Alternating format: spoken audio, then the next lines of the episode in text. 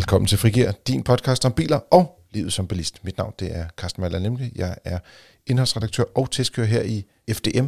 Med mig i studiet har jeg i dag, Dennis Lange, chefkonsulent her i huset. og også Yasser Abaiti, tekniker i FDM's rådgivning. næsten tilbage fra de døde. Næsten tilbage, ja. Godt. Så, øh, hvad er det, men vi glæder os sindssygt meget til at komme med en masse øh, nyheder i den her uge. Vi skal tale om blandt andet øh, Teslas Sentry Mode. Det er sådan, at øh, de har sådan et overvågningssystem, som man kunne aktivere bare ved at gå forbi bilen. Og nu har Tesla sagt, at det har de lavet om, sådan at man skal hen og røre ved bilen, før det virker, og der er nogle andre ting omkring det. Alt det kommer vi lidt tættere på. Vi skal også tale om to benzinbiler. Det er nogle mini-SUV'er, de er super populære. Det er Toyota Yaris Cross og en Volkswagen Taigo, som vi har sat sammen i en dueltest. Og som altid har vi jer lytter helt tæt på hjertet med jeres spørgsmål. Charles vil gerne vide, hvilken form for bagageboks han skal købe til sin bil. Og David overvejer at skifte sin trofaste Touran ud med en elektrisk bil. Hvad skal han så gøre? Og så har Mikkel øh, en pedantisk kommentar om ligner eller linjer, og vi elsker øh, at være pedantiske, så det tager vi selvfølgelig også fat på sidst i programmet. Men først, som altid, nyhederne mellemlangt ved Dennis Lange. Hvis jeg nu siger, øh, det der pizza nu, er det noget, man bliver mæt af? Eller for den til at skylde, I godt nok utige, gutter. Hvad siger I så? Jeg sidder og venter på Jasser, for jeg ved det godt. Jeg ved det ikke.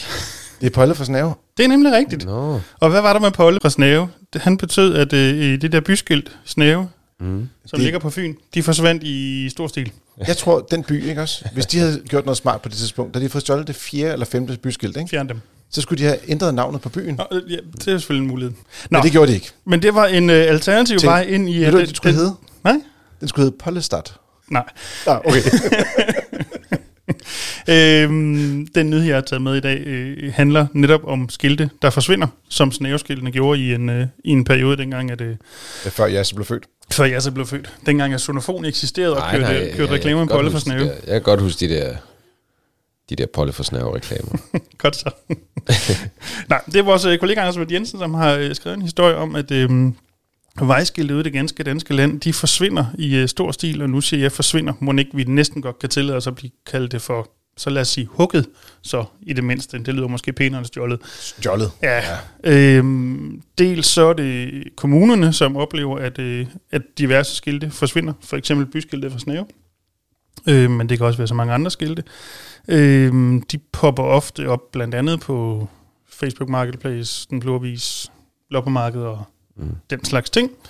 Øh, og det er jo tankevækkende, hvis man kan sige det sådan. Men det betyder selvfølgelig også, at for kommunerne, der giver det en øget udgift. Altså et skilt Mm. mm. koster jo noget, og når man skal sætte et nyt op for det, der er blevet hugget, så koster det også noget, og så betyder det måske, at et, i øvrigt, man kan sige, et slidt skilt et andet sted i kommunen, er der så ikke råd til at skifte ud, fordi at man bliver nødt til at erstatte det skilt, der, der er væk.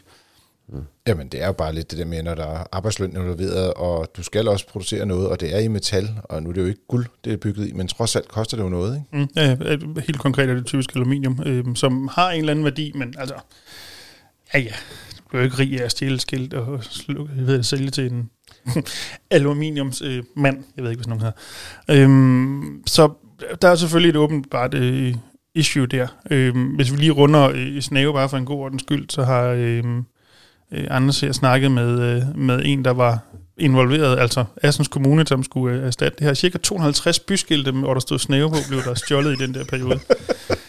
Der er kun 20 skilte rundt omkring byen, men 250 skilte forsvandt. Mm. Det er vildt. Det er så mange der.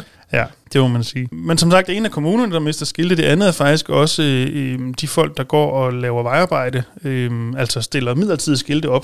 Det er jo typisk øh, entreprenøren, som ejer nogle skilte og stiller op. De forsvinder også. Øh, der har vores kollega snakket med øh, dem, der hedder Munk Forsyningsledninger, som blandt andet oplever, at øh, altså for at komme det her til liv, så har de øh, malet deres navn på deres skilte. Øh, men de kan jo se, at de her skilte så på magisk vis dukker op på konkurrenters vejarbejde. Mm. Nogle gange med stadig et synligt logo. Nogle gange har man så malet logoet over for at skjule, at man har neglet et skilt ved konkurrenten. Øhm, det synes jeg også er meget tankevækkende, og ikke på den positive måde.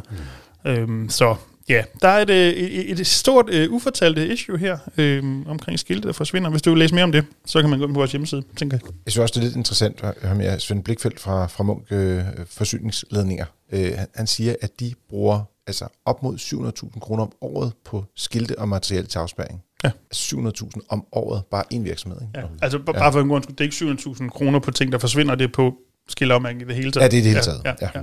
Og så er der så en eller anden andel, der, øh, der forsvinder, som jo giver en, øh, en øget udgift. Skal vi jo lige kort blik, dvæle ved, han hedder Blikfelt. Det synes jeg er meget sjovt, når han snakker om skilte, men øh, det er jo bare en detalje.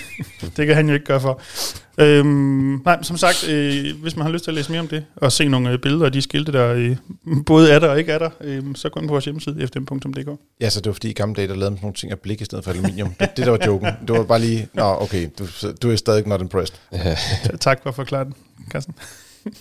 Jamen, det var bare, han så så øh, forvirret ud, så jeg tænkte, jeg måtte hellere lige hjælpe ham lidt, og han har lige været syg, så jeg tænkte, jeg må, må assistere en lidende kollega. Nå, men ja så.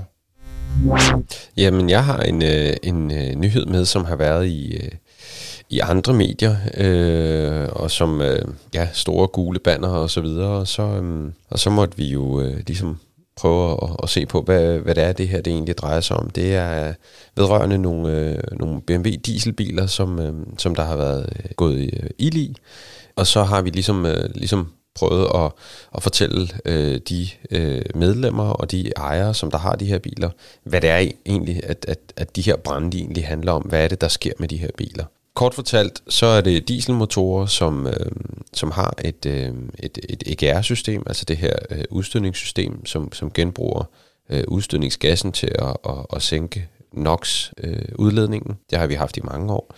Øh, men det, der er øh, særligt for de her øh, motorer, det er, at, at øh, de øh, i takt med, at, at mængden af sod det stiger i, i indsugningsmanifolden, øh, øh, som er lavet af plastik, så ligger det og, og, og hober sig op der. Og det, det er måske ikke et, et, et, et stort issue. Øh, altså motoren går ikke nødvendigvis særlig godt, men, men det er ikke et kæmpe issue. Men i kombination med, at det her øh, EGR-system, øh, der, der sidder der en, en køler, og den køler, den kan blive utæt, og så kan noget af det her kølevæske øh, sive ind og lægge sig sammen med det her øh, kulstof, øh, og blødgøre det, og når det bliver varmt, så bliver det sådan en flydende øh, koksmasse, som smelter sig igennem det her manifold. Og så har du et, et, et potentielt øh, problem og en, en, en brandfarerisiko. Man kan sige, at, at mange af de her biler de er blevet indkaldt for at få, ligesom at få en softwareoptagning og, og, og blive øh, inspiceret. Men spørgsmålet er, om, om de her BMW-brænde, om det i det hele taget er det, det handler om.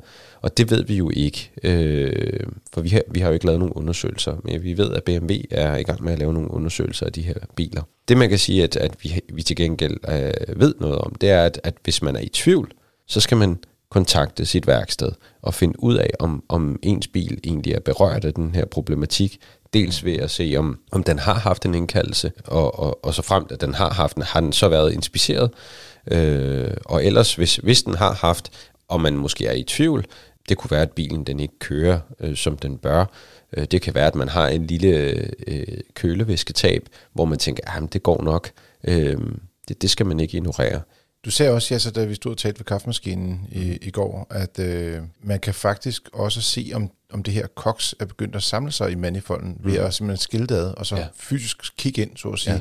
Øh, og hvis det er, man er lidt bekymret for, om det her kommer til at ske med ens bil, så kunne det være en god idé at bede værkstedet om lige at så at sige, let på låget øh, ind mm. til, til motoren, så de kan, det er jo ikke selve, inde i selve motoren, manifolden sidder udenpå, kan man sige, så den ja. er relativt nem at komme til. Ja, altså man kan sige, øh, det er altid en god idé ligesom at, at kigge på, hvordan har motoren det. De, de her moderne motorer, de er jo rigtig gode til ligesom at, at man, man kalder det de adaptive værdier. Øh, I takt med, at motoren den bliver slidt, øh, dem, der kommer mere og mere koks i motoren, så adapterer motorens øh, software, hvad kan man sige, brændstofindsprøjtning osv., så, videre, så den bliver bedre og bedre til at håndtere, at motoren har det dårligere og dårligere. Men det kunne være rigtig godt ligesom at sige, okay, lad os lige se, hvordan øh, bilen den egentlig øh, har det, og gøre den fuldstændig ren i indsugningen. Så kan man gå tilbage til måske at bruge noget mindre brændstof, øh, at bilen har noget mere power, fordi at der er et bedre volumenflow igennem motoren.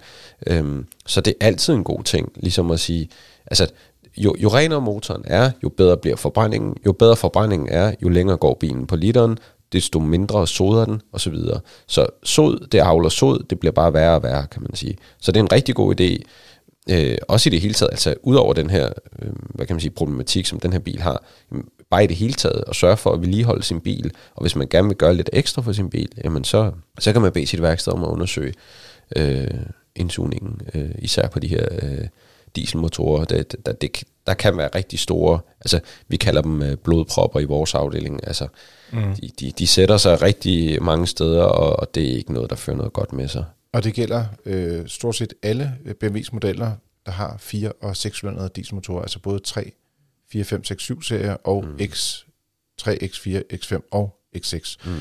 Så det er en del biler, som der ligesom kan være berørt af det her, øh, fordi der trods alt i en periode i hvert fald kommer rigtig mange øh, 400 dieselmotorer med mm. ja, 3 serie stationcars og sådan ja. noget. Ikke? Så, yes. yes. Dennis, øh, er du også glad for, at vi valgte at skubbe den her historie til den her uge, hvor jeg så kunne komme og være øh, sige det der tekniker, jada jada? Det havde i hvert fald et betragteligt andet resultat, hvis for eksempel jeg skulle have fortalt om den, tør jeg godt sige. så ja, det er jeg glad for. Vi iler videre til en nyhed omkring kinesiske biler og både modeller og mærker også. Og øh, det er sådan, at der nu er otte mærker i Danmark, og om et år er der måske helt op mod 16 mærker. Og øh, alene her i 2023, så får vi yderligere 15 nye kinesiske elbiler. Det er altså virkelig, øh, skal man sige, øh, et, et land med smæk på bilproduktionen, kan man jo roligt sige. Øh, de har hidtil været meget skarpe og stærke på deres hjemmemarked, men nu er kineserne for alvor begyndt at rulle øh, deres elbiler ud øh, til Europa. Og man kan sige, de har hidtil været sådan øh, ret øh, fornuftigt prissat. Øh, så kom Tesla og ødelagde alting for alle, øh, andre end sig selv. Øh, og det gør altså nogle af, synes jeg i hvert fald, hvis man kigger på det i dag, nogle af de lidt billigere øh, kinesiske elbiler, de er ikke, står ikke helt så attraktivt skarpt, som de gjorde tidligere. Men man må trods alt sige, at øh, på deres større biler, der er de i hvert fald billigere end, end konkurrenterne, og også på de billigste øh, elbiler, øh, der står de også skarpt. Altså MG har for eksempel flere modeller, som koster under 300.000, og dem er der ikke så mange af derude på markedet ellers. Men det er jo fordi prisen har bevæget sig, og i øvrigt vi startede et pr- højt prisniveau generelt på, øh, på bilmarkedet.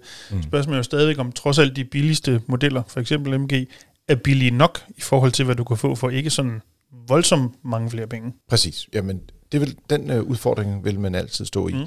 Men om ikke andet, så øh, skal vi til at, altså nogle af mærkerne kender vi lidt i forvejen, der er noget som iWays, har vi talt om før, eller BUD og Hongji og JAC, tror jeg, det endte med at blive det, øh, nævnt. Maxus, MG, øh, NIO og Xpeng. Og så dem, der kommer, dem vi ikke kender så godt, men trods alt har talt om tidligere, det er sådan noget som Lynk Co. Og øh, den her bil, som vi øh, hvis nok er uenige om er pæn eller grim, der hedder Ora Funky Cat. Ja, ja. ja. Du står alene om at synes, den er grim. Vi andre synes, den er pæn. Ja, det er det. Er fed. Ej, jeg synes ikke, den er fed. Jeg synes, det, det går bestemt, an. du sagde. Jeg synes, det går an. ja, jeg synes, du sagde, det var den pæneste bil, du nogensinde har ja, set. Okay. Ja, altså. ja, det, det, lyder ikke som noget, jeg kunne finde på at sige, nej. og så er der også Voyage og hvor, Radar og Ceres og Smart, som vi jo så øh, egentlig øh, kender lidt, øh, skulle til at sige, som et europæisk mærke, men det genintroduceres her. Way og Seeker. Så der sker en masse, og man går ind på vores hjemmeside og læser om den, og derinde der har vi selvfølgelig også en oversigt over både alle de elbiler, der kommer i 2023 og 2024, samt også alle de biler, der i det hele taget kommer på bilmarkedet, hvis man nu er på jagt efter en plug-in hybrid og eller en benzin-dieselbil.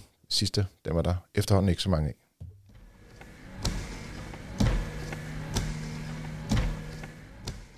Denne uges tema er Tesla ændrer på overvågningsprogrammet Sentry Mode. Eller gør de? Fordi det var sådan, at dum, dum, dum. dum, dum, i efteråret skrev vi en større artikel om emnet, øh, og det er ikke som sådan øh, rettet mod Tesla som øh, brand, men virkeligheden det her med, hvad sker der med overvågning i det offentlige rum?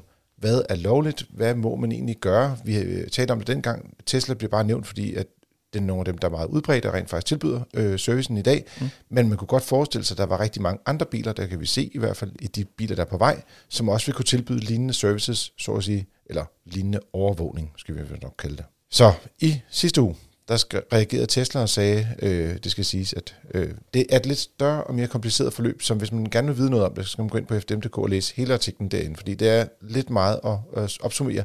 Men det er i Holland, at man ligesom fører sagerne øh, mod Tesla, så at sige, eller øh, for at afprøve, om det her overvågning... Sagerne er samlet ved det hollandske datatilsyn, ja. Præcis, der kom ja. lidt jurasprog der. Det er dejligt, vi har styr på det på den konto. Men så sagde Tesla, før det ligesom kom i retten, så sagde de, vi har lige justeret lidt på vores øh, software, og nu, er, nu, nu skal man simpelthen øh, både aktivere det øh, manuelt som ejer af bilen, og øh, det er ikke nok, du går forbi en bil, så begynder den ikke at optage, du skal rent faktisk røre ved bilen, og øh, Dennis, så var du nede i kælderen i mandags. Ja, øh, vi jo... Øh, Hvorfor var du nede i Ja, vores kælder i mandags? Det havde jeg faktisk af til, men men den her gang var der en helt specifik årsag. Vi er jo øh, på den her konto beriget med nogle øh, kollegaer, som har Tesla'er. Eller, de har en hver. Jeg tror ikke, der er nogen, der har flere. Øhm, så vi tænkte, øh, lad os da lige prøve at gå ned og se, hvordan det i grunden virker. Mm.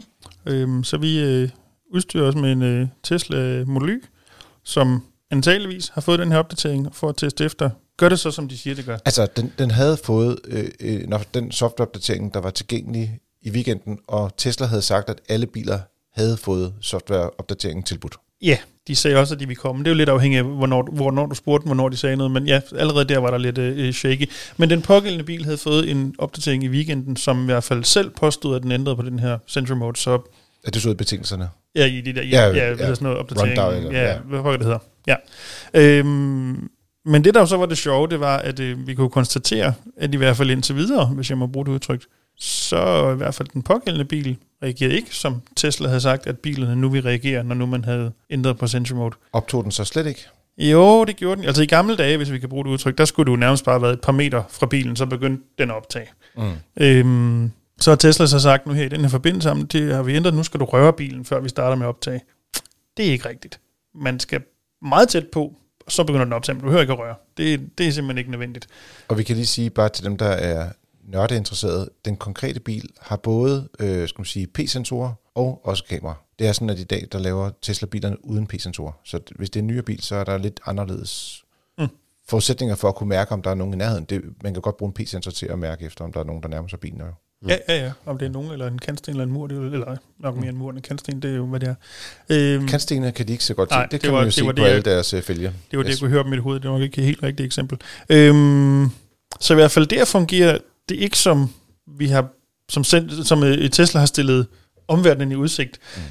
Altså bevares, man skal da meget få centimeter fra bilen, men, men nu var de jo meget øh, eksplicit om at fortælle, at man skulle røre bilen. Det er i hvert fald ikke rigtigt. Ikke indtil videre i hvert fald. Øhm, Der, der er du jurist nok til at kunne kende forskellen på at være tæt på og lave en berøring. Er det det, du siger? ja, præcis. præcis. Øhm, den næste var så, så har de jo også fortalt, at sådan som de har formuleret det, hvis jeg må bruge det udtryk, at når der så var nogle biler, der var tæt på, skorstræk, eller nogle personer, der var tæt på bilen og rørte, skorstræk, hvad man nu gjorde, øhm, at så øh, ejeren få en notifikation på telefonen, og så kunne sige, nu skal du optage. Berøring uden samtykke. Ja, Så kan, så, kan, så kan ejeren sige, det her det vil jeg godt lige dokumentere for omverdenen. ja, Det kunne godt være, at der er nogen, der for eksempel kørte ind i deres bil, jo. for eksempel. Og så sagde man, det er en parkeringsskade, det vil jeg godt have dokumenteret, Ja, ja, ja. så man lige for eksempel har nummerpladen eller noget. Øh, men der kunne vi i hvert fald konstatere, at sådan virker det heller ikke. Bilen begyndte at optage, men ejeren i det her, i hvert fald det her eksempel fik nul notifikationer på telefonen. Altså ingenting overhovedet. Øh, men Og, bilen og han, optag. den var tændt telefonen, og Ja, ja, ja, ja. i realiteten burde den også kunne gøre det, når den var slukket, jo. Så, ja. Ja, det er nok svært at få en notifikation til at poppe op på en slukket telefon, men bevares.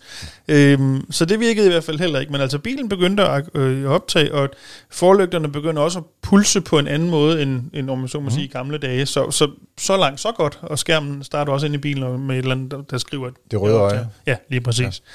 Så det er i hvert fald ikke nøjagtigt, som Tesla har fortalt omverdenen, og i øvrigt det hollandske datatilsyn, at det her nu vil fungere, som at det fungerer, i hvert fald ikke på den bil, vi testede. Øhm, lige nu er vi jo så der, hvor vi jo ikke... Det er også derfor, jeg prøver at formulere mig sådan en lille smule... Øh, ikke vagt, men, men vi prøver at grave lidt længere ned i det her, og lige Du høre... formulerer dig juridisk, Ja, så som lad man os kalde siger. det. Vi prøver på at grave længere ned i det og øh, høre Tesla, hvordan der var og i øvrigt bliver 100% skråsikker på, at den her bil rent faktisk har fået, om jeg så må sige, alle de opdateringer, der skal Mm. til og så videre. Øhm, I optagende stund, der er vi ikke til bund til det. Det kan være, at vi er det, når du, øh, når du kan lytte og høre det her afsnit. Det kan du læse mere om på vores hjemmeside i givet fald, hvor vi løbende opdaterer det her. Men, men lige nu er det i hvert fald lidt shaky om, at bilerne til synlædende ikke gør, som Tesla har sagt, de vil gøre. Tjek. Og øh, bare lige on that note, øh, så er det jo sådan, vi udkommer øh, torsdag morgen, men øh, ved det, vi optager jo ikke øh, natten mellem onsdag og torsdag, og derfor så har der også været noget Investor Day hos Tesla, så det kan være, at der også er nogle spændende nyheder på vores hjemmeside der, hvis der dukker noget interessant viden op. Og så er der også øh, en del, der lige opdaget, at øh, Tesla øh, sat deres Model 3 yderligere 30.000 kroner ned, det vil sige en samlet prisnedsættelse på 130.000 kroner på den model også, så der nu er lidt større prisforskel mellem Model 3 og Model Y, og det er der jo i hvert fald nogen, der har været lidt interesseret i. Og der er rigtig mange øh, af dem, der har købt biler sidste år, der nu bliver ramt af yderligere værditab, og en, en masse bilforhandlere, der taber yderligere penge. Så øh, ja. Til gengæld nogle forbrugere, der har købt en billigere bil. Dem, der ikke er kommet ind på markedet nu, mm. de kan simpelthen glæde sig over nogle virkelig lave priser, og hvis det, er, det fortsætter sådan her, og de ikke justerer priserne op, øh, så bliver konkurrenterne også snart nødt til ligesom at reagere på det. Nogle af dem, der ikke kommer til at reagere så meget på øh, prisfald på elbiler, det er dem, der skal ud og købe en lille SUV med benzinmotor, tænker jeg. Men man må dog sige, at med de priser, vi efterhånden ser på elbiler, så begynder sådan en SUV til 300-320.000 kroner at være lidt en dyr sag. Mm. Vi har haft uh, to af de mest solgte biler til test, og det er en Toyota Yaris Cross og Volkswagen Taigo. Vi har tidligere testet bilerne hver for sig, men øh, den her gang der var det en mulighed for ligesom at, at sammenligne de to. Og jeg tænker bare lige at, at starte med at, at smide den lidt op til jer to. Øh, vi kan selvfølgelig lige komme lidt ind over designet også. Ja, det kan du lo- love dig for selv, at vi kan, ja. Ja, mm. og måske også lidt på teknikken. Ja, ja så. Øh, og så, og så lige rundt starte en, øh, ja, øh, ja, det er også bare for, at depressionen ikke bliver for stor. Nu er du her endelig, så vil du ikke sige noget. og tak for det, Dennis. Så du synes, jeg pjekker, eller hvad? nej, det var ikke det, jeg synes. Nej, Nå, okay. Du dukker bare ikke op. Nej. Det, nej, nej. nej, det er fair nok, når man er syg. Ja, så det skal man ikke tage sig af. Jeg faktisk øh. meget gerne have, at du holder dig væk, når du er syg. Så, ja. så det er så fint. Nå. Øhm, jamen altså, øhm, det er jo faktisk to meget interessante biler, sådan, øh, hvis vi holder designet udenfor, så synes jeg faktisk, det er to øh, helt forskellige måder at lave bil på, og det, det kan jeg rigtig godt lide. Øhm, du har en lille øh, turboladet motor med en, øh, en, en syvtrins øh, tørkobling, øh, automatgearkasse. Den fungerer på en måde. Øh, den kører, altså hvis man har prøvet en folkevogn, jamen, så bliver man ikke overrasket. Den kører faktisk ganske udmærket, sådan en bil. Mm. Øhm, skifter øh, fint og flot, og ja, ikke nogen store overraskelser. Og rent teknisk, så synes jeg faktisk, det fungerer ganske udmærket. Så har vi en hybridbil, øh, som ikke er turboladet, øh, som har en øh, e-CVT-gearkasse, som egentlig ikke, hvad kan man sige, motorens omdrejninger følger ikke bilens hastighed. Øh, og det er en helt anden måde at, at, ligesom at køre bil på. Øh, og nu var jeg inde og se øh, den video, du har lavet, Carsten, omkring, mm-hmm. den, her, øh, omkring den her duel-test. Og, og det er rigtigt, men man, man bliver lidt tvunget til at køre sådan lidt mere øh, morfaragtigt, fordi man ligesom øh, i takt med, at man lærer bilen at kende, og ved, jamen, hvornår vil den kunne køre på strøm, og hvornår vil den ikke kunne gøre det, hvor meget skal jeg træde på speederen, før jeg egentlig tvinger motoren i gang, øh, og så videre, så, så lærer man ligesom at køre den her økokørsel. Øh, og hvis man bliver god til det, jamen, så kan man faktisk komme ret langt per liter brændstof. Men det er bare en helt anden bil, det er en helt anden måde at køre bil på.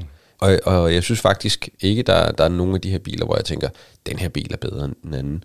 Sådan rent teknisk. Jeg synes, det er to helt forskellige måder at løse øh, tingene på. Og jeg, jeg kan faktisk godt lide begge biler, sådan rent teknisk. Jeg synes, det er velfungerende biler. Det er også teknik, man sådan i, i en vid øh, udstrækning kan stole på. Øh, mm. Den her 1 liters øh, turbomotor med tre cylinder fra Folkevogn har vist sig at være ret pålidelig. Ja, det synes den jeg findes faktisk. i mange biler. Ja. Den kører rigtig godt. Mm.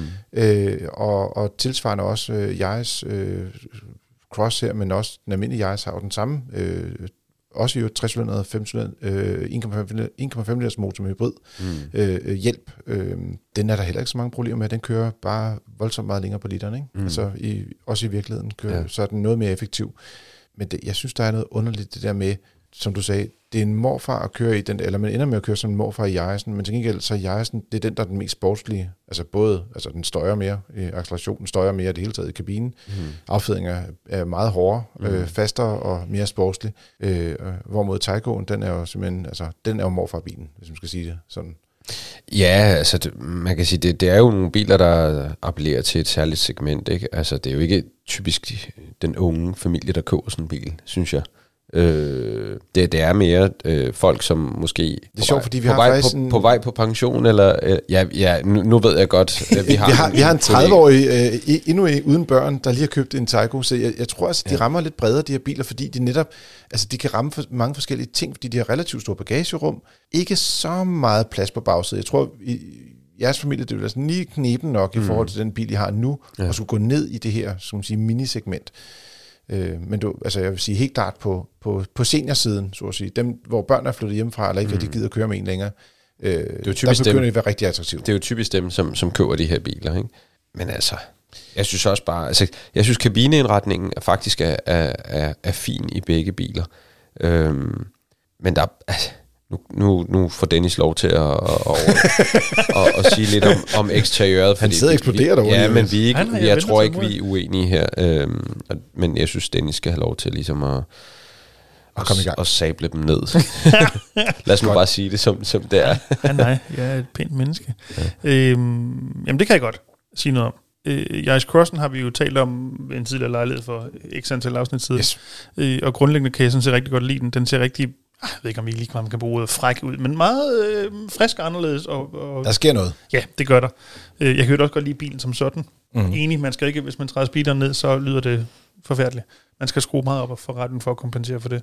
Øhm, så ja, der er noget der. Men, men udseendemæssigt, der synes jeg faktisk, den er rigtig fin. Nu lige den her, I har til test her, altså i en sølvgård variant uden noget spændende og uden så alle store fælge det er måske ikke den bedste øh, sådan, øh, Vi har også haft den i rød. Ja. Det, det gav noget det, mere øh, Absolut, absolut, absolut. Men der vil jeg så også sige, folkevognen havde vi faktisk første gang i en grøn farve, som var meget offensiv. den der giftgrønne, som nogle folkevogne ja, kan. Ja, ja, og, ja. Øh, men i metal. Øh, og det, det synes jeg også gør den lidt mere spændende at se på, men i begge to er sølvfarvet. Ja, ja. Og videre. Øhm, så som sagt, jeg Crossen synes jeg egentlig ret godt om. Øhm, det kan måske godt være at komme som en overraskning for lytterne derude, men nu er jeg jo ikke sådan den store fan af særlig mange af Volkswagens øh, designs. What? Øhm, ja, det er brand new Har du hørt det før, ja, så? What a surprise. Altså, Tygoen er ikke i kategorien der, hvor jeg synes, de faktisk er sluppet godt afsted med det. Faktisk lidt svært imod i virkeligheden. Den er sådan en mærkelig, i min bog, fra mine øjne, en mærkelig kombi af kedelig, og så har den, jeg kan simpelthen ikke sætte fingeren på den agte, hvor, hvad det er, der gør det, men jeg synes, at man kan se på den, at den rent faktisk er udviklet i Sydamerika, helt specifikt i Brasilien. Den har et eller andet udtryk over sig, som får den til at se sydamerikansk ud. Lidt ligesom øh, øh, den, øh, da Fox kom til, til, til Europa for mange år siden. Der kunne man også se, at jo jo, det er en folkevogn, men der, er, der er samba-rytme over. Der er alligevel noget den andet. Den danser lidt. Nej. Den, den er lidt inciterende. Nej, vi, vi mere, kan du mærke hoftene bevæge sig en lille smule? Vi mere, den på en eller anden måde Nå. ligner noget, der er udviklet til et billigere marked end Europa. Uden jeg nøjagtigt kan sætte fingeren på det. Jeg synes, det, ligesom, det bare ikke spiller lige så godt. Ikke? Hvis du kigger på fronten, så kunne du godt minde sådan lidt ja, om Dacia, ikke? Altså, måske, måske. Og så... Øhm, jeg kan godt høre, at I er aggressive. Jeg vil sige, at den ligner en lille smule Touareg med de her forlygter. Ej, Så skal du godt nok øh, ja. knive Så skal du knive øjnene sammen, ja. rigtig meget. Så. Gammel mand. Gammel mand. Kan ikke se en skid.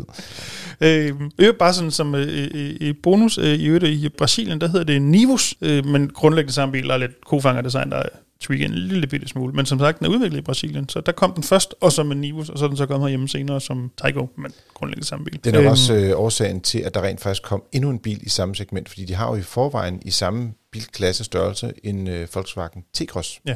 Man der kan vel mere SUV. Man kan vel lidt, med lidt meget god vilje, se det her lidt som en coupé-SUV-udgave af T-Crossen. Ja, 100 procent. Ja, uden det sådan nøjagtigt er, men det er derhen af.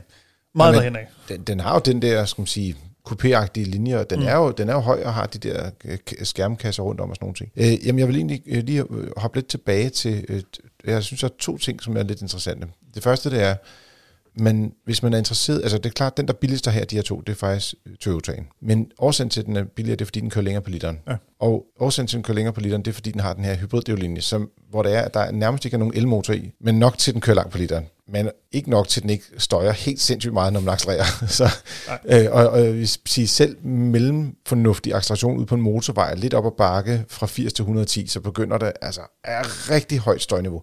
Og man skal virkelig ændre sin måde at køre bil på, for at synes, at det er fair nok. Jeg synes faktisk, at nogle af deres andre biler, hvor det er, at elmotoren har lidt mere kraft, og benzinmotoren tilsvarende også har lidt mere muskler, for eksempel en uh, Corolla Cross, så, så, ved det, så er det ikke så generende. Så fungerer det bedre. Men det er jo lidt af Men, virkelig, og jeg tror også, vi har konkluderet det før, når det kommer til CVT-gearkasser.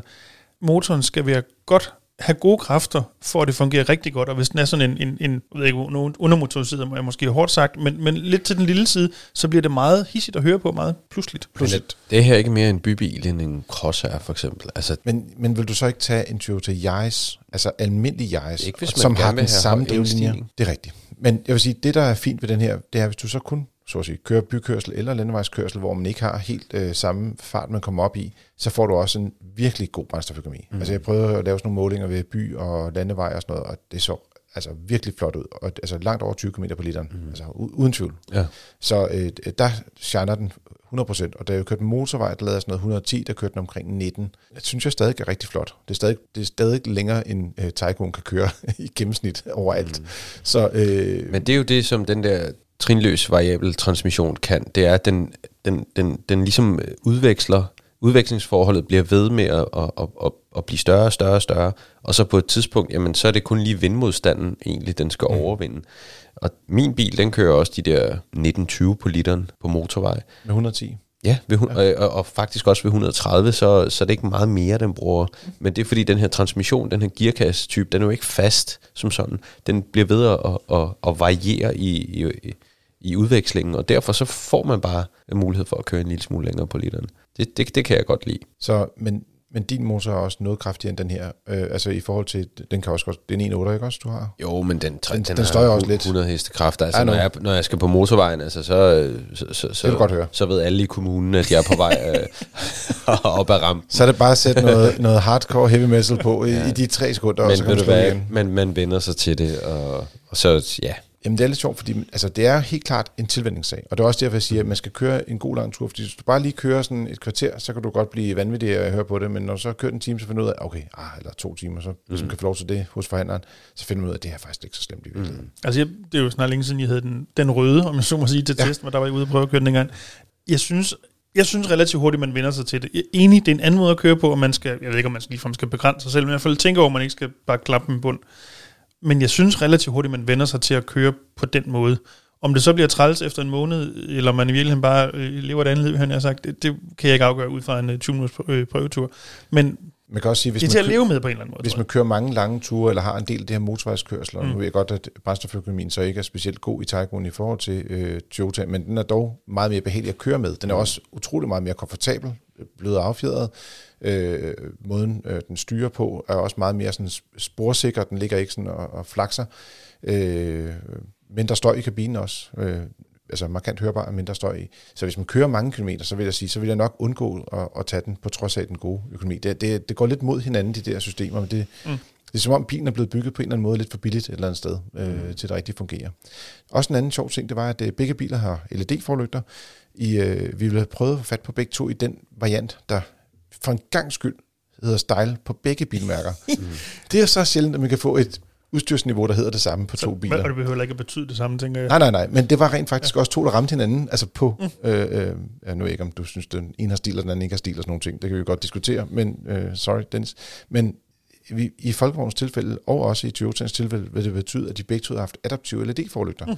Og desværre så havde øh, Toyota'en, da vi kunne simpelthen ikke få dem, det er så svært at få, få biler i øjeblikket, så vi havde en bare med almindelige LED-forlygter, mm. hvor at, øh, som i øvrigt var ret kraftige, mm. og det virker sådan lidt, jeg har set et par biler efterhånden, hvor det er, at hvis du får LED, så, og de ikke er adaptive, så kan de godt være rigtig kraftige på det lange lys. Problemet er bare, at du kan køre utrolig lidt med det, fordi at i hvert fald, øh, hvis ikke du kører uden skov hele tiden, så er der andre biler på vejen, og så slukker den for det lange lys. Mm. Øh, og der er det her adaptive lys, det er sindssygt fedt. Altså. Mm. Og hvis begge biler har det her adaptive lys, så koster det omkring 320.000 faktisk. Og bare hvis nu nogen skulle tvivl, det er det her, hvor den masker modkørende af, så du i princippet kører med lang lys hele tiden, men du blænder ikke de modkørende, fordi de, lige der er der ikke lang lys. Og de gør også det, i, i, i, og nu kan jeg, har vi jo så ikke testet uh, Toyota'en med, med den adaptive funktion, men, men folkevognen, mm. at når du kommer ind i et by, jeg skal sige, bymæssig bebyggelse, og der er uh, hvad er det, gadebelysning, så slukker den for det lange lys. Der må den nemlig ikke have det på, og når du så kommer ud på landevejen, så tænder den for det, på motorvejen tænder den for det, og det vil sige, den, skal man sige, de modkørende bliver ikke generet af dig, men du kan se, om der for eksempel er dyr, der går ude i vejsiden og sådan nogle ting øh, længere frem, og det synes jeg virkelig er en, en, en, skal man sige, en stor sikkerhed, og så kan man også mærke det her hvide lys, det giver lidt bedre lys end de gamle halogenpærer. Øh, en lille note her, vi har haft to Tesla'er til test inden for de sidste par måneder. Sådan en Tesla Model S Plaid. Plaid. Og en øh, Model Y, som vi er i gang med at køre lidt i øjeblikket. De har også adaptiv, eller så at sige, de har adaptiv øh, lysstyring, hedder det vel. Sådan en op- og nedblanding. Ja, automatisk mm. lang lys eller sådan noget, ja begge to kørt igennem Birkerød, hvor jeg bor, øh, ved det, med langt lys på. Mm-hmm. Godt så. Så, øh, så meget for øh, kameraløsninger til at finde ud af, om man skal have langt lys eller kort lys. Nå, det, er, ja. det er lidt skræmmende, så øh, det, det, det må man ikke. Men øh, var der andre ting, I sådan lige tænkte på med, med de to modeller? Jamen, jeg, jeg, jeg, jeg sidder lidt og mangler sådan en, øh, og det er ikke sikkert, du kan det, Carsten, men sådan lidt, hvad for en skal man vælge-agtigt? Og jeg, jeg er lidt bange for, at dit svar bliver, det kommer, hvem, kommer an på, hvem man er. Men, øhm, Altså, jeg troede faktisk, at der var lidt mere pladsforskel på dem, men altså, Folkevogn er den, der er den lidt større bil. Der er, det, det der, ligner den også, når man kigger ja, på dem. der er sådan et par centimeter mere knæsplads på bagsædet mm. i forhold til altså, Toyotaen. Øh, den har også et, et bagagerum, der lige er 40 liter større. Det er 440 i stedet for lige underkanten af 400 liter. Og, og den er også mere komfortabel, og jeg synes også, det er den, der sådan, hvis man siger, at man skal vælge en familiebil, så vil nok gå den vej. Udfordringen med den er, at den er lidt dyre øh, at eje, fordi den ikke kører så langt på literen, og så har den kun øh, en toårig garanti, hvor det er, at øh, Toyota de har 3 år og 100.000 km. Så der vil man være lidt bedre stillet. Plus, at øh, Toyota har lavet det her tilbud, hvor det er, at hvis du får serviceret din bil hos dem, Mm. så har de ikke, det de kalder, sådan, vi, jeg tror, vi kalder deres garanti for en holdbarhedsgaranti. Ja, de kalder det vist en serviceaktiveret garanti. Ja, ikke? eller- ja. ja. Men om ikke andet, så kan du få forlænget mange af de garantivilkår, du har på en ny bil, øh, over en længere periode, op til bilen er 10 år gammel. Ja. Så hvis man er typen, der godt vil have livrem og seler, og har fokus på økonomi, så skal man gå til Toyota-vejen, 100%. Det er en rigtig fin bil. Man får et helt nyt liv, fordi man lærer at køre på en anden måde. Og, men, men hvis man har brug for pladsen og komforten, øh, øh, eller man kører rigtig meget motorvej, øh, så synes jeg, man bør gå over og kigge på, på folkevognen i stedet for. Men skal man så, hvis man går den vej, er der så den store forskel på, jeg kan simpelthen ikke huske priserne, så det kan godt være, der forskellen ligger, om man vælger en Tygo eller en T-Cross. Jeg er med på, at der er noget øh, øh, udtryk, fordi den ene er en coupé wannabe, og den anden, det er den anden absolut ikke. Men Hvis du vil have det her øh, adaptiv LED-lys, Mm. mm. øh, så er det sådan i øjeblikket, at prisforskellen sådan 2-3.000 kroner. Øh, så kommer der noget ekstra styr i Toyota i form af, den eneste har head-up display, så sådan den eneste, og så har den øh, elbagklap. Det er sådan de to ting, man ligesom lægger mærke til. Hos Folkevogn, der, øh, der kan man så tilkøbe nogle pakker. I øjeblikket, så har de kørt i med en kampagne, øh, hvor det er, at man får det, der hedder en DK-pakke med i prisen. Det hedder sådan en plusudgave. Øh, men man kan også tilkøbe en komfortpakke, hvor man også får nøglefri betjening og sådan nogle, øh, sådan nogle digitale instrumenteringer. Det synes jeg faktisk er ret fedt. Det koster 10.000, eller 9.000 mere er det faktisk. Øh, og også trådløs opladning af mobiltelefonen. Men, Ja. men altså, det, det vil jeg nok sige, det, det vil jeg nok tilvælge, men nu er jeg også bare sådan en, der godt kan lide det udstyr. Jo. jeg er ikke sikker på, at du spurgte, svarede på det, jeg spurgte om. Jamen, jeg har givet to forskellige se- cases. Der er jo ikke en, der er bedst. Altså, Nej, nej, nej, nej, folk nej. har forskellige ting, Ja, de ja. er interesseret Jamen, jeg i. tror, du svarede på øh, øh, Yaris Cross kontra øh, øh, Tygo, og jeg spurgte, om du skulle vælge en Tygo eller en T-Cross, hvis nu du kigger over til Volkswagen. Åh, oh, okay. Jamen, det er altid noget, jeg Jeg ved godt, vi går en lille smule efter. udenfor her. øh, de ligger øh, prismæssigt også meget tæt på hinanden, mm. de to modeller. Øh, det, som T-Crossen kan, det er, at du kan faktisk justere øh, det bagerste sæde i længderetningen. Mm. Så du kan gøre bagagerummet større eller mindre. Ja. I standardindstillingen er bagagerummet en lille smule mindre, end det er i Taigo, fordi bilen er lidt kortere.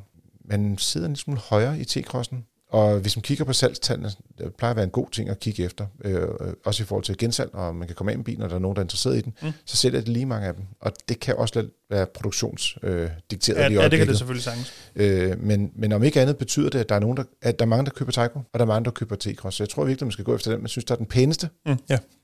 Eller ja, i tiltaler en, ja. Ja, lige præcis. Men der er meget stor forskel på deres designsprog, synes jeg, i T-Cross, og, som er lidt mere øh, interessant og isoleret, faktisk. Ikke? ja jo. Og man sidder også, synes jeg, det føles som om, man sidder lidt højere end T-Cross. Det gør man nok ikke.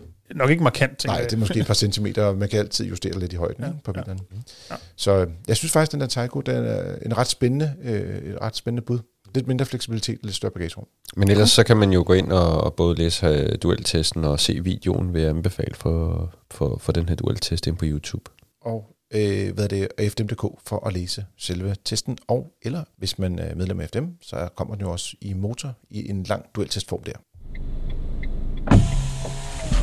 Så blev det tid til lytterspørgsmålene og kommentarer fra jer. I kan skrive ind til podcast og det har Charles gjort. Han skriver ind til os, at han øh, overvejer lidt, hvilken form for øh, bagageboks han skal vælge til sin bil, fordi han skal på ferie til Bornholm i sommeren, og øh, de har nu fået øh, en familie med to børn, som er ikke så gamle, øh, 3,5 år og 3 måneder til den tid. Altså han har et lille pladsproblem. Øh, han har en Opel Astra med et anhængertræk, hvor der er forberedt til tagbøjler, og øh, han er ikke så bekymret for benzinøkonomien, øh, fordi jeg skal også til at sige, når man kører sådan en relativt kort tur, så er det heller ikke det, der kommer til at være afgørende for, om man har råd til at købe en is øh, du strand. Længere er der trods alt heller ikke til Bornholm. Det er det. Mm.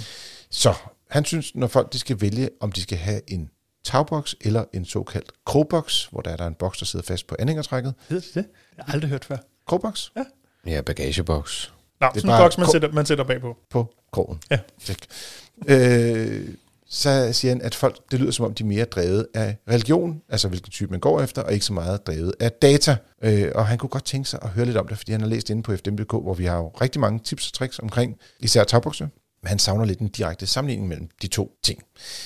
Og øh, ja, han kigger lidt på Thule. Det er et godt valg. De har ret styr på deres sikkerhed på deres produkter, så det giver god mening. Og så tænker jeg lidt, ja så, nu har du været syg i to uger, og du kan ikke have tænkt på andet end tagbokse og bagagebokse, mm. krogbokse. Ja, Det har du også helt ret i. Det, det, det, det er faktisk det første, når, når, når man ligger syg der, så tænker man på tagboks. Øhm, nej, altså jeg, jeg- vil sige, dels er der, er der pris, prisen. Altså hvad, hvad koster det at få en tagboks, og hvad koster det at få en, øh, en bagageboks? For mig, der synes jeg, at, øh, at det bøvlet med en tagboks. Øh, jeg synes, det er bøvlet, at man skal op og stå, og bagagen ligger oppe i toppen af bilen. Så er der hele den her montering af tagbokse. Nogle tagbokse er nemme at montere, mm. nogle tagbokse er besværlige at montere. Og så synes jeg også det her med, at, at, at, at den støj, som, som en tagboks den giver, når man kører i bilen, det synes jeg er ret, ret irriterende. Og så Jeg vil har, sige, det er dog lidt mere irriterende, hvis man skal køre rigtig meget tysk motorvej, og end man ikke må køre så stærkt, øh, kører man trods alt med en lidt højere hastighed, når du kører over til Bornholm. Mm. Fordi der kører du jo nærmest landvejshastighed hele vejen. Ikke? Er der, er der motortrafikvejskrosser og motorvejen en pæn del af det, men 90 og 110 er, øh, gør det Ja, på en stor del af vejen. okay. Mm. Men det er ikke, det er ikke tysk motorvejshastighed. men altså, det, det er også mere sådan, at, at hvis der er andre, der står i samme situation, måske, mm-hmm. så... Og ja, så skal syde på. Ja, lige præcis. Og, og, og det er jo, hvad kan man sige, jeg, jeg er mere tilhænger af, af bagageboksen. Øhm, og det er fordi, den er sådan nemmere at komme til. Øhm, og så findes der sådan et, et, et, et form for skelet, kan man sige, som du kan sætte på selve trækket, øhm, hvor du både kan bruge den her boks, hvor du kan putte bagage ned i, men du kan også skifte den ud, sådan, så du kan putte cykler om bagpå. Mm. Så du kan faktisk bruge, hvad kan man sige, øh, skelettet til, til begge dele. Så når de her børn de bliver lidt ældre, og de skal måske på tur, eller man skal køre dem i skole, og de skal have cyklerne med, så kan man også bruge den del til ligesom at, at fragte cykler med. Og så kan man sige, hele det her med, med køredynamikken i bilen, øh, hvis du har en, en, en masse høj vægt, som du lægger oven på bilen, jamen, så begynder det at blive sådan, øh, øh, hvad hedder sådan noget, øh, altså, øh, det, det vil bare øh, være underligt at have så højt et, et tyngdepunkt i bilen. Hvorimod, hvis du lægger bagagen ned sådan langs centerlinjen af bilen, så vil du få en, en, en bil, som er lidt mere, øh, hvad kan man sige, styrevillig og ikke så underlig at køre med. Men det kræver selvfølgelig også, at, at når man, når man øh, bruger sådan en, øh, en bagageboks, så må man jo heller ikke overskride de data, som, som der er for bilfabrikanten. Mm. Øhm, øh, så, så det her med... At, Er det er heller ikke smart at have alt for meget vægt helt ude bagved? Det er det, som Porsche fandt ud af, dengang de lavede 911'eren, og de havde mange, der øh, kørte galt, fordi at de havde alt for meget vægt hængende meget langt bagud mm. på bilen, kan man sige. ja, og man det, kan var- sige... det var så en motor, ikke en bagageboks. Nej, men hvis du lægger, lad os sige, du lægger 160 kilo derom, ja, så er det ja. samme effekt nærmest. Ja, men så, så det handler ligesom om, om at, ligesom at finde ud af, jamen, hvad, hvad må jeg max belaste den her krog med? Nogle kroge kan max øh, belastes med 50-60 kilo, andre må helt op til 85 kilo. Og hvad er det, man skal kigge? Det er kugletrykket. Det er kugletrykket, Man lige skal præcis. kigge efter, ikke? Ja. Lige præcis. Og, øhm, Og der skal man vel også huske at, at se på, hvor meget må bilen egentlig laste i det hele taget. det, det slipper man aldrig udenom. Øh, men, men find ud af, hvad er kugletrykket, og hvor meget vejer, hvad kan man sige, skelettet og, og kassen for sig selv, mm. og hvor meget vejer dit øh, udstyr, som du skal have med på turen. Jeg, jeg vil sige, for, for mig, der er bagageboksen en bedre løsning. Du kan øh, rent faktisk øh, få nogle af de her, som sagt, de her tule, hvor du ligesom kan vippe bagageboksen, sådan så at du også kan få adgang til dit bagagerum, i stedet for at du bare har, hvad kan man sige, øh, et bagagerum, du ikke kan åbne, og en boks, der står i vejen. Mm. Jeg kan huske, nogle af de første, jeg prøvede, det var nemlig sådan nogle, hvor du sådan spænder den fast inde på krogen, Ja. og finten var så, at når sådan var spændt fast, så var der ikke adgang til bagagerummet ja. bagefter. Øh, men, men netop den der løsning, du taler om, øh, hvor det er, at man kan have øh, sådan et, et, et cykelstativ, som kan vippe væk fra bilen, så du kan komme ind til bagagerummet, Ja. hvor du så i stedet for cykelstativet sådan kan sætte en boks ovenpå. Ja. Fantastisk løsning. ja. Jeg, jeg synes det er bare, virkelig the way det, to go. ja, det, jeg synes bare, det fungerer bedre. Altså, det, For, jeg ved godt, du ikke bøvler så meget med det her. Som, jeg synes bare, det er besværligt at komme så højt op, øh, når man skal op og pakke. Men så også det der med, i realiteten, det der med, at altså, hold, hold op. altså, hvor mange gange vi ikke har, folk har sagt, jeg skal lige have sat tagbriller på min bil, så sådan noget, åh, oh, ja, ved du, desværre, jeg skal lige drikke en kop kaffe, jeg har simpelthen ja, ikke tid lige nu. Altså, det tager evigheder. ja. Øh, det er besværligt, det er bøvlet, den skal sidde rigtigt, og mm. øh, det støjer, og... Øh, der må ikke sidde for langt fremme, der må ikke sidde for langt tilbage. Den skal og, være helst være inde på midten, ja. og... Ja. Jeg, jeg synes bare, at det her det, det er bedre. Altså, det er hurtigere, det, det, er nemmere, det er nemmere, og du har også den der funktion, ja. funktionalitet der, hvis ja. man køber løsning med, med cykelting, skal man lige huske på, så får man jo også den tredje nummerplade på. Man sørger for, at man altid kører lovligt, og der er styr på øh, både sikkerhed og alt det ja. der. Jeg synes, hvis man har anhængertræk på sin bil, så synes jeg faktisk, at det, det, er, den, det er den bedre løsning, hvis du spørger mig. Vi har også fået et spørgsmål fra David. Han siger, tak for en super god podcast. Jeg har et spørgsmål til skift af bil. Aktuelt har vi en Volkswagen Golf GTE, som jeg bruger til pendlerbil, cirka 30.000 km om året. Fantastisk bil. Og som familiebil har vi en Volkswagen Touran fra 2016, den nye model, 1,2 benzin Comfort Line. Jeg overvejer stærkt at skifte Touranen ud med en ID Volkswagen ID4, ID5 og bruge elbilen som pendlerbil og Golf GT'en som bybil, da man kunne klare det meste på el. Mit spørgsmål er, skal jeg slå til nu, hvor brugprisen på Turanen er høj, der er gode tilbud på ID4 og ID5, eller skal jeg vente på et kommende facelift? Jeg er også meget fristet af at vente på den kommende ID7, og snup sådan en i stedet for en ID4, ID5. Derudover har vi tre børn, de er henholdsvis 4, 6 og 9, det vil sige, de er mindre. Den ældste er stor nok til kun at sidde på en sædepude, øh, sædepude så, undskyld. men er det sikkert nok? Der er nemlig ikke isofix beslag i midten af bagsædet på de her ID 4, 5, 6, 7 stykker. Og eller heller ikke i det boss for den sags skyld. Vi har allerede en klipperlader derhjemme, og vil rigtig gerne skifte til en elbil. Og Tesla er ikke aktuelle for os, siger David. Så det behøver vi ikke at prakke ham på. Men øh, vi har sagt, let's make this a secret round. Ingen har sagt noget til nogen. Mm. Dennis, du sidder og smiler skælmsk. Kan jeg starte? Ja, det synes La, jeg. Lad mig det. Jeg har ikke noget super interessant input, så lad mig bare starte. øhm, jeg fornemmer både på den aktuelle bilpark, som David har, og hvad han i øvrigt tænker over, at det her det er en Volkswagen-mand. Så jeg har sådan set ikke rigtig givet besøg med at gå ud over det, fordi jeg tænker, det fører ikke til noget alligevel. Øhm, så jeg har egentlig virkelig bare sat mig ned og overvejet, kernespørgsmål, skal, jeg have skift, skal han skifte sin Touran ud med en ID4, ID5 nu, alternativt ind på en ID7, altså Passat-udgaven af men som elbil. Øhm, jeg tænker, hvis han gerne vil have en ny bil nu, så køb en ID4, ID5. Hvis du kan vente et år plus, altså der går et år før i det syveren, i stationcar, jeg gætter på, en stationcar, mm. bliver præsenteret det foråret 24, som vi ved det nu. Øhm, og så er der jo så godt nok også lidt leveringstid, afhængig af, hvor hurtigt man får bestilt osv., så, så der kan godt gå lidt tid. Hvis han kan vente med det, så kan det godt være, det er en bedre løsning, måske. Man kan i hvert fald sige, at jeg tænker, selvom brugprisen på en Touran er høj nu, det bliver den efter min bedste vurdering også ved med at være relativt set forstået på den måde. Det er en populær bil, klasse. Der er ikke super mange af dem på brugmarkedet. Der skal nok være børnefamilier, der vil købe en Turan i en del år fremadrettet. Så det tror jeg, det vi ikke bekymrer om sådan super meget. Og så er der selvfølgelig det store spørgsmål, om Volkswagen sætter nogle priser ned på nogle elbiler ud fra hele Tesla-ting øh, og så videre. Det ved vi jo ikke, det, det vil tiden vise. Øhm, men altså, ja, grundlæggende så er jeg på sådan hold øh, go for it, og øh, hvis det skal være nu, så er det i det 4. Tag en i det 4 i stedet for en i det 5, vil du ikke nok. Øhm, og hvis du kan vente med dem, så se om ID7 bliver interessant, når den kommer. Øhm, så ja, som sagt, ikke et super interessant input. Øh, jeg er ikke, øh, det er ikke fordi mit input er meget bedre. Ej, nu må jeg lige, lige tale men, lidt op her. Men, men, jeg, jeg synes, de kære lytter, de sidder derude, og de har ventet en hel uge på at høre det her. Ja, så, ja, men jeg, jeg, synes, jeg synes faktisk, altså hvis jeg stod i hans sted, det kan godt være, at han er glad for den GTE'er, men jeg vil faktisk vælge at skyde den af, hvis det var mig selv. Det er fandme sjovt, for det tænker jeg også. Fordi man kan sige, at, at øh, i takt med, at vi får mere og mere elektrificering, så begynder de her plug-in hybrider at blive mindre og mindre interessante. Så det potentielt store værditab vil ikke ligge på Turan, som han kan få mange penge for lige nu og her. Jeg tror, at det vil være GT1, der vil være mindre og mindre attraktiv, fordi øh, det er ikke en god benzinbil, og det er ikke en god elbil. Jeg, han siger, at han er glad for bilen. Super fedt. Godt for ham. Men, men en, en, en e-Golf er en bedre bil, og en Golf benziner er også en bedre bil. Så dem, der står derude som potentielle købere, vil i, fl- i de fleste tilfælde vælge den rene elektriske bil, eller vælge en Golf benziner. Og, og, og GTE'eren er måske den, som bliver valgt fra. Så jeg vil sige, hvis det var mig selv, så vil jeg skyde GTE'eren af og beholde øh, øh, Turanen. Øh, så, så jeg er enig med Dennis, at jeg tror ikke, det kommer til at betyde særlig meget, om, om han venter et år mere. Øh, det er jo ikke fordi, at, at markedet øh, bliver, bliver øh, oversvømmet med, med MPV'er. Det gør det jo ikke, øhm, og det vil være en interessant bil, øh, også i fremtiden. Jeg vil skyde GT'erne af, og så, øh, og så vælge en, øh, en, en, en, måske en mindre elektrisk bil.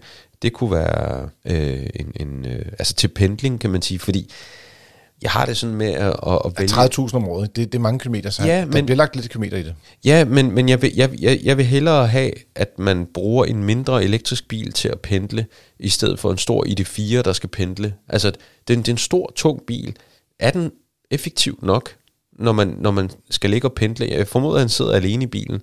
Jeg, jeg synes måske, det er for meget. Øhm, og så vil jeg vælge at skifte den øh, GT af, og så måske vælge en, en, en mindre... Der kommer noget fra Folkevognsgruppen, og det lugter også lidt af, at Tesla måske på et eller andet tidspunkt godt Ja, lad os nu se. øh, kunne tænke sig at lave en, en mindre... Altså, jeg tror, der kommer til at være nogle mindre elbiler, der kan løfte øh, den opgave at være pendlerbil øh, for ham.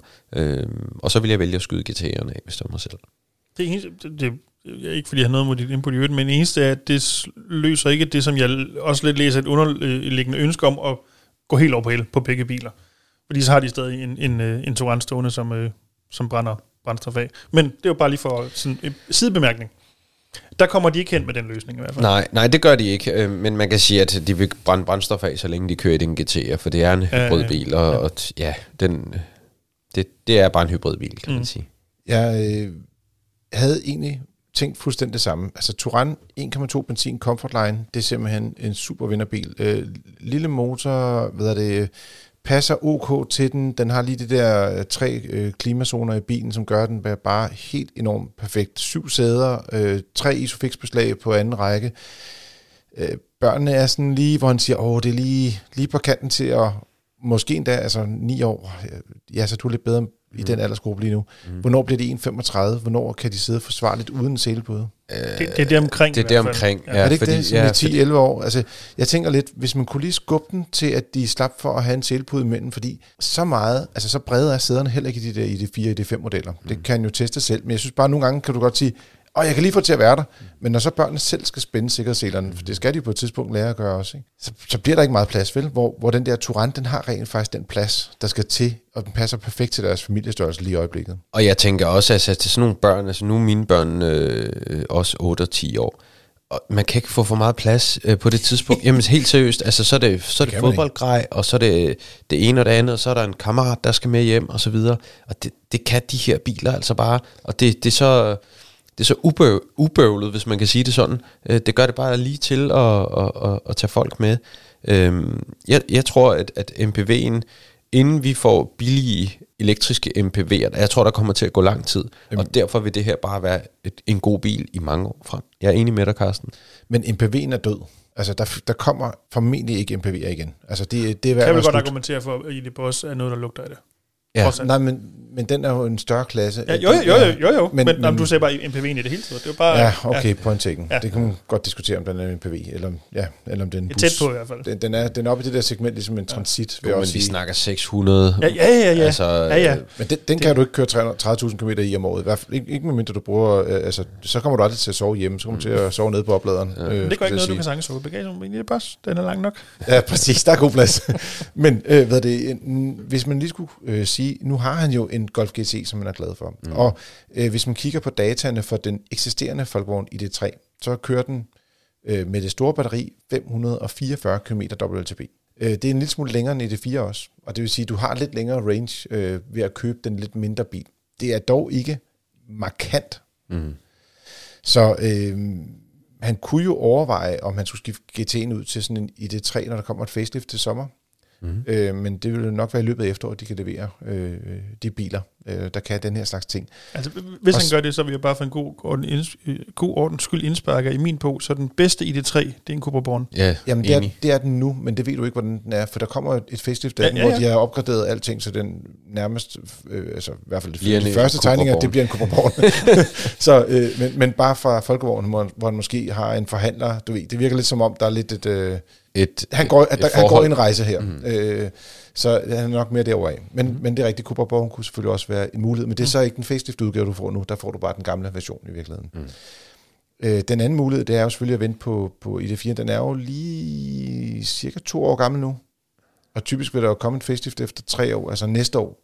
Ja. Så det kunne også godt være, at han så kunne sige, jamen så tager vi i det 3 facelift øh, til efteråret, og så venter vi lige et års tid, og så kommer der en facelift i det 4, hvor der måske lige er kommet de der lidt mere lækre kabiner og sådan nogle ting, som man egentlig gerne vil have. Mm. Så den har samme kvalitetsfornemmelse, som, som man er vant til i sin Touran, ikke? Jo. Jeg tror, vi, vi, vi er at sprænge hans budget igen, men øh, ja, ja. Det er, Det er ikke øh, første gang. det er mit job, det er at springe folks budgetter. Så han har ikke skrevet noget om penge. Nej, men øh, det er Så rigtigt. på Det var den måde har vi faktisk ikke sprukket et budget. Nej, men, men jeg hæfter mig dog i, at han selv øh, tænker at skifte en bil, ikke to. mm. Men ja, ja. Ja, men så skal man jo så tilbage igen og kigge. Totaløkonomi. Kigge mm. øh, på udgifterne over på den lange bane. Øh, altså, der er jo ikke nogen tvivl om, den der GTE kommer jo til at være øh, markant dyrere at eje, end at køre ind i det, øh, skal man sige, selv en, en stor batterimotoriseret, skulle jeg sige, øh, i det 3. Øh, forhåbentlig prissat øh, lidt mere attraktivt i forhold til øh, det, de har haft tid til nu, hvor der er konkurrence på markedet. Mm. Øh, altså, jeg tror, det giver god mening i hans tilfælde lige at, at lave sådan en løsning, der hedder i det 3 først, og så en i det 4, eller jeg synes, at det 5'erne er pænere næste år. Jamen, det, er, det er den ikke. Al, men jeg synes, hvis han alligevel skal vente, så, så synes jeg, det giver mening, som man også er selv inde på at se i det syvende, der kommer. Mm. Hvad, hvad bliver det for en størrelse? Ja, men han har tre børn. Og jeg sad inde i den der ID7 konceptbil for nylig, mm. og der er plads nok i bredden og sådan nogle ting. Men, og nu øh, øh, vil jeg bare sige, når man begynder at få børn i den alder, så begynder man også at blive lidt ældre. Altså, de facto må man i hvert fald være fyldt 15, øh, før man får det første barn, ikke? Cirka. Typisk. Og han er nok også ældre end det. Det tror jeg. Og så bliver man glad for en bil, andet, der er høj at kørekort. gå ind i. Ja, han har kørekort.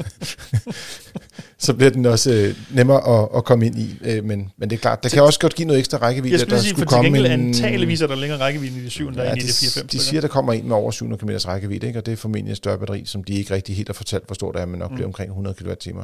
Så den, den kunne selvfølgelig godt være interessant som, som pendlerbilen, kan man ja, sige, til præcis, den tid. Så. præcis.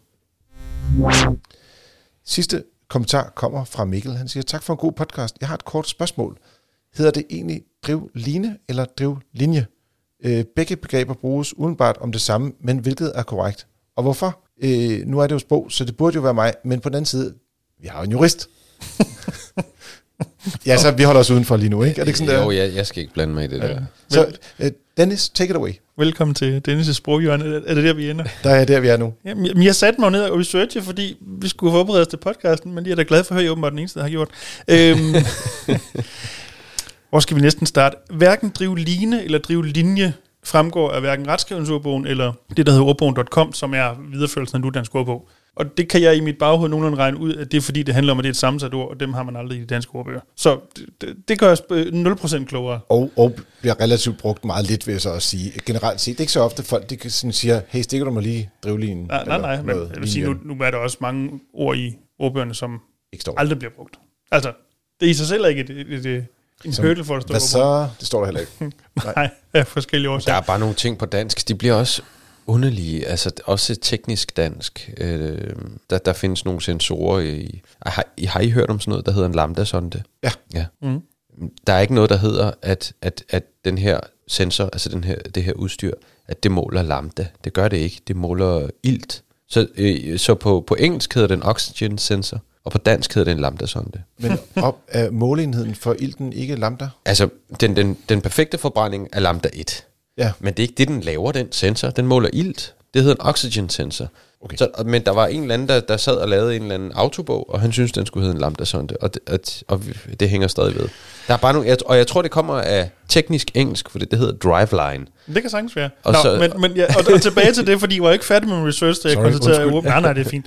Jeg prøvede bare at styre os tilbage.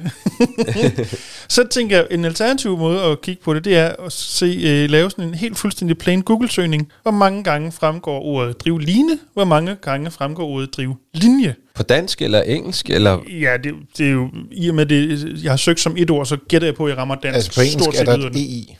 Drive. det, Ja. På dansk er det driv. Nå, ja, okay. Ja. Så og med det, øh, drive line, der får man noget, der minder om 158.000 øh, resultater. Mm.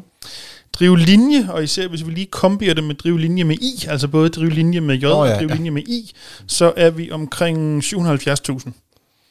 Så drive linje er i hvert fald meget mere brugt end drivline, men jeg vil sige med 158.000 resultater er det jo ikke, fordi drivline er sådan et ingen skriver.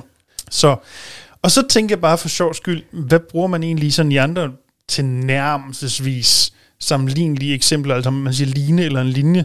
Og så tænker jeg på sådan noget som en produktionsline eller en produktionslinje. Linje. Øhm, der er der faktisk næsten ingen, der skriver produktionslinje, men til gengæld øh, næsten 2 millioner hits på produktionslinje.